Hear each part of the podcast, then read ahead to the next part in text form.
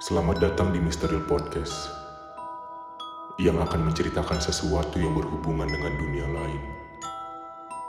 Sebelum podcast ini dimulai, pastikan kalian mematikan lampu, pakai headset dan besarkan volume. Tarik selimut dan jangan lihat ke atas lemari. Karena makhluk itu sedang mengawasimu di sana. And this is Mystery Podcast.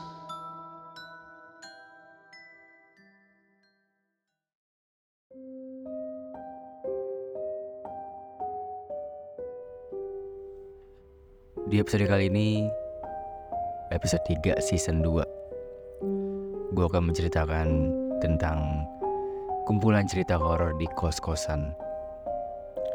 Langsung saja gue mulai dari cerita pertama. Cerita pertama ini gue ambil dari salah satu komentar Instagram Dari Edgar Sian. Pernah dapat kos murah fasilitas komplit sekomplit-komplitnya tapi hampir jadi tumbal ibu kos sendiri. Dulu tuh waktu maba dapat kosan murah meriah banget.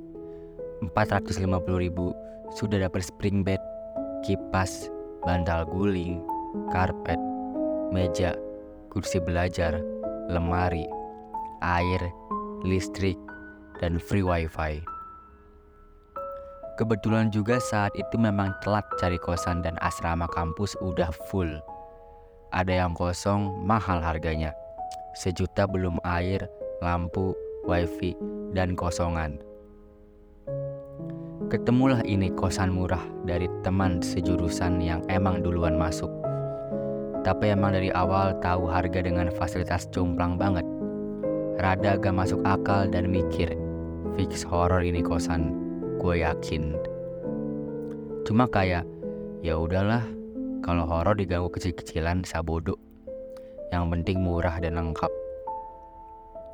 Tempatnya strategis deket banget sama kampus. Saking deketnya kadang jalan kaki aja kami sampai ke kampus. Model rumahnya memang model model jadul. Kata nenek ini model rumah tahun 80-an. Dan beberapa ruangan yang usang banget lah. Cuma ya udah, sisanya nggak mengkhawatirkan.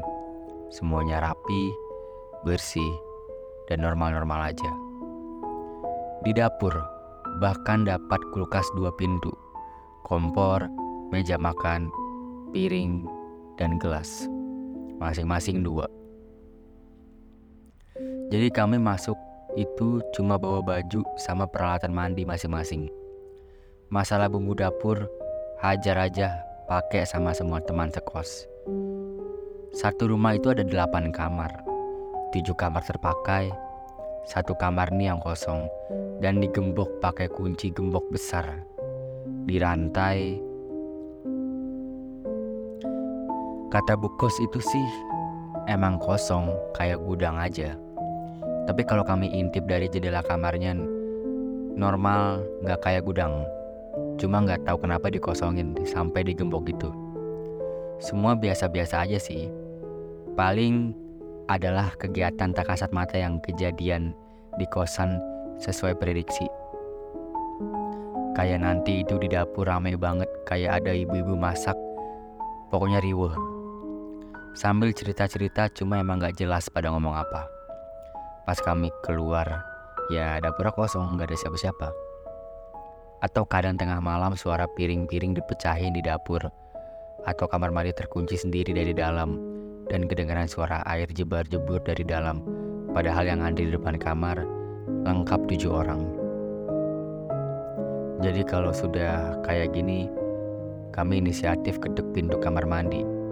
Tiga kali aja dan minta siapa pun dalam cepat keluar gantian ntar pintunya bisa kok dibuka. Sudah itu hari-hari biasa, kayak hari, kayak rutinitas harian aja. Nah puncaknya, sampai akhirnya kami mutusin keluar dari kos setelah satu tahun setengah kos di sana. Adalah suatu hari yang mau datang ke kos. Beliau kebetulan ngelamar kerja di kampus kami sebagai admin keuangan kampus. Terus ya kan kami bingung lah, kayak lah ini abang-abang mau ngekos, tidur di kamar mana? Kan kamarnya full dan kami bertujuh belum ada yang mau keluar. Sedangkan kamar satu lagi sudah lama dikosongin tanpa alasan. Ternyata ini si abang dapat kamar 8 yang emang digembok lama tuh sama ibu kos. Kamar abang ini lebih mahal emang. Karena kamar nomor 8 itu paling luas. Jadi harga kamarnya 600 ribu. Sudahlah, si abang masuk. Kenalan sama kami. Kami kasih tahu kiat-kiat sukses tinggal lama di kosan ini. Ngasih tahu semua apa aja hal-hal yang yang akan terjadi di kosan ini. Oke, si abang ngangguk-ngangguk dan pas malam hari saat jam istirahat, kegiatan dapur beraksi kayak biasa. Besok paginya kami lihat antri di depan kamar mandi. Ini si abang cerita juga dengan kegiatan, dengar kegiatan dapur semalam. Sekarang ha harus lihat lagi kegiatan mandi-mandi di kamar mandi. Si abang kami suruh ketuk buat perkenalan dulu. Ya udah semuanya kayak biasa aja. Sampai tepat si abang dua minggu ngekos lah. Ibu kos kami akhirnya balik ke rumah. Jadi ibu kos kami ini emang gak pernah kelihatan. Nggak pernah sama sekali kelihatan dari hari setelah beliau mengantar kami room tour kosan. Jadi ibu kos kami kami lihat lagi setelah satu setengah tahun pas abang masuk pas si abang ini masuk dan ketiga kalinya kami lihat lagi saat beliau ngadain hajatan besar-besaran anehnya ya diundang yang ya cuma kami anak-anak kos. Kami sih nggak mikir aneh-aneh karena cuma diundang. Ya kami datang dong. Makanan gratis kok ditolak. Ada banyak menu banget. Ada ayam bakar sayur mayur melimpah ikan bakar. Pokoknya cocok banget buat anak kos di akhir bulan yang uangnya udah habis. Jadi tanpa mikir panjang hal-hal buruk kami datang kembali makan bungkus makanan kami kembali ke kos udah Gitu aja. Kami simpan itu makanan yang kami bungkus ke dalam kulkas dengan niatan untuk sarapan besok sama buat bekal ke kampus. Habis bersih-bersih diri, kami tidur. Tapi malam itu tidurnya beda. Jadi saya mimpi. Di mimpi itu saya kayak lagi ngulang rutinitas saya sebelum tidur. Saya sadar kok dan ngerasa aneh dalam hati saya bilang, lah kan tadi udah siap-siap mau tidur ya? Kok ini ngelakuin rutinitas tadi sih? Ya udahlah, saya lanjut aja. Buka baju, karena saya punya kebiasaan kalau tidur nggak pakai baju. Jadi telanjang dada. Gak lama kayak ada orang-orang yang gedor pintu saya. Saya kaget, nggak saya jawab juga gedornya kasar banget, gak kayak ketuk-ketuk biasa. Ini langsung digedor lebih kayak ke mukul-mukul pintu sambil nendang pintu. Di situ saya cuma bisa diam aja nahan napas dan masuk ke dalam lemari guna untuk bersembunyi. Gak lama saya dengar suara pintu kamar saya itu kebuka. Saya cuma bisa dengar suara langkah kaki berat melangkah masuk ke dalam dan dengusan nafas berat. Gak lama, si sosok itu bicara. Di mana ya satunya lagi? Saya benar-benar gak tahu itu orangkah atau apakah bentukannya gimana. Cuma bisa tahan nafas sambil berdoa supaya ini bangun dong. Saya nggak tahu berapa lama sudah itu. Saya ngerasa udah lama banget di dalam lemari. Ini makhluk cuma jalan-jalan ngitarin kamar. Dan gak lama hening. Hening banget. Saking heningnya, saya nggak dengar juga detak jantung saya. Ada kali sekitar 10 menitan hening. Saya tetap tidak berani keluar kam keluar lemari. Saya malah mau tetap di dalam lemari aja sampai kebangun karena ajan subuh. Sambil mikir gitu, Saya kaget setengah mati gara-gara sosok itu teriak nyaring banget. Mana satunya lagi? Wah, di sana saya udah nggak karuan. Saya sudah benar-benar ketakutan mampus. Mau nangis pun nggak bisa. Mau teriak aja nggak bisa. Seluruh badan saya kaku banget.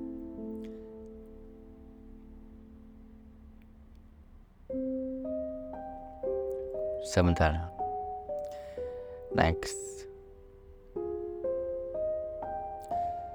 Seluruh kaku saya badan ba- seluruh badan saya kaku banget. Dan dalam hati saya cuma bisa baca doa dan terus mohon-mohon sama Allah buat ditolongin. Dan gak lama kemudian kedengaran suara kaki berat menjauh dari lemari saya dan lama-lama suaranya samar-samar keluar menjauh dari kamar saya.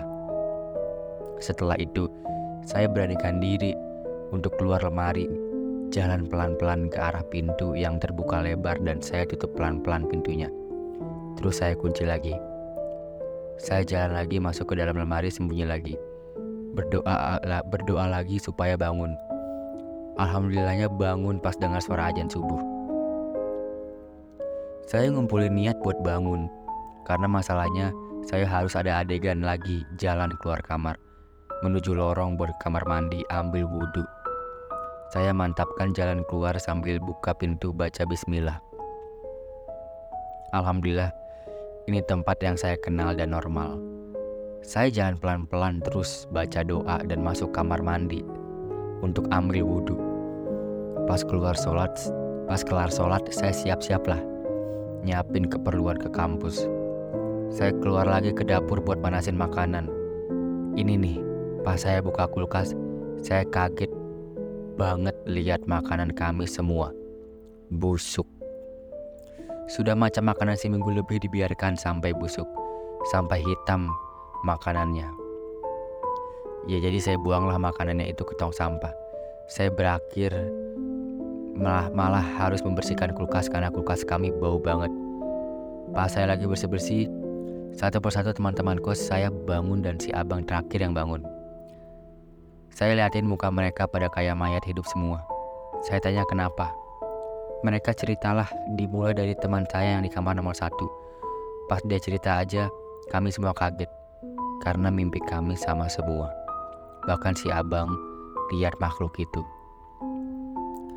Badannya tinggi besar, berbulu, hitam, matanya merah, kukunya panjang sampai lantai kamar. Dan gigi-giginya itu runcing semua. Dari semua deskripsi kami, nyimpulinnya itu genderuwo. Dari kami berdelapan, enam di antaranya cuma dengar si makhluk bilang, mana satunya lagi? Dan si abang sama teman saya yang tidur di kamar nomor tujuh dengarnya ketemu. Tapi dari mereka berdua cuma si abang yang lihat makhluk itu karena yang nggak tahu mau ke mana. Sembunyi di lemari nggak muat dianya karena si abang emang gemuk. Jadilah dia lihat si makhluk itu. Kata abang, si makhluk cuma nyentuh kening abang dan bilang ketemu. Terus pergi. Sampai di sini ya udahlah. Kami sambil nungguin sosok sosok yang tiap pagi membuat kami antri kamar mandi aja. Dan si abang lah inisiatif ketuk pintu kamar karena merasa dia paling tua. Pas jalan inilah kami ngeliat di belakang punggung abang ini kayak ada bekas cakaran panjang banget. Nggak berdarah, tapi cakarannya bukan juga cakaran samar berwarna merah. Enggak, ini cakaran jelas banget dan bentuknya sudah kayak luka yang bentar lagi sembuh. Kita nanya dong, itu kenapa? Dan si abang pun tidak tahu. Pas kelar ya, kami satu-satu jalan ninggalin kos. Si abang duluan pergi karena emang dia karyawan kan, jadi kagak boleh telat. Saya lihat ada ibu kos lagi nyapu halaman dan senyum ramah nyapa si abang. Disusul dengan saya dan teman saya si kamar nomor 4 keluar buat jalan keluar. Saya sama teman saya nyadar lah ini ibu kos kenapa jadi ketus banget? Iya ketus banget. Bahkan kami senyum dan sapa aja kami cuma dipelototin, dipelototin. Kami nggak mau mikir aneh-aneh jadi ya udahlah sabodo. Kelar sudah semuanya. Kami juga sudah semua balik ke kos. Pas mau makan, saya lihat-lihat ini abang sama kamar nomor 7 kelihatannya demam karena mukanya pucat banget. Mereka bilang nggak tahu tiba-tiba demam. Sampai malamnya, ini nggak tahu kenapa tiba-tiba anak kamar nomor 7 sama si abang teriak teriak-teriak kesakitan. Heboh banget. Lah kami panik banget mau gimana pun bingung. Bentukan mereka udah nggak karuan. Guling sana guling sini. Meraung-meraung terus kesakitan. Kepalanya sakit banget. Panas. Saking hebohnya malam itu. Warga pada bangun dan langsung bantuin kami. Adalah di sana satu warga yang bisa bantu proses rukiah. Ya dibantu baca-baca doa.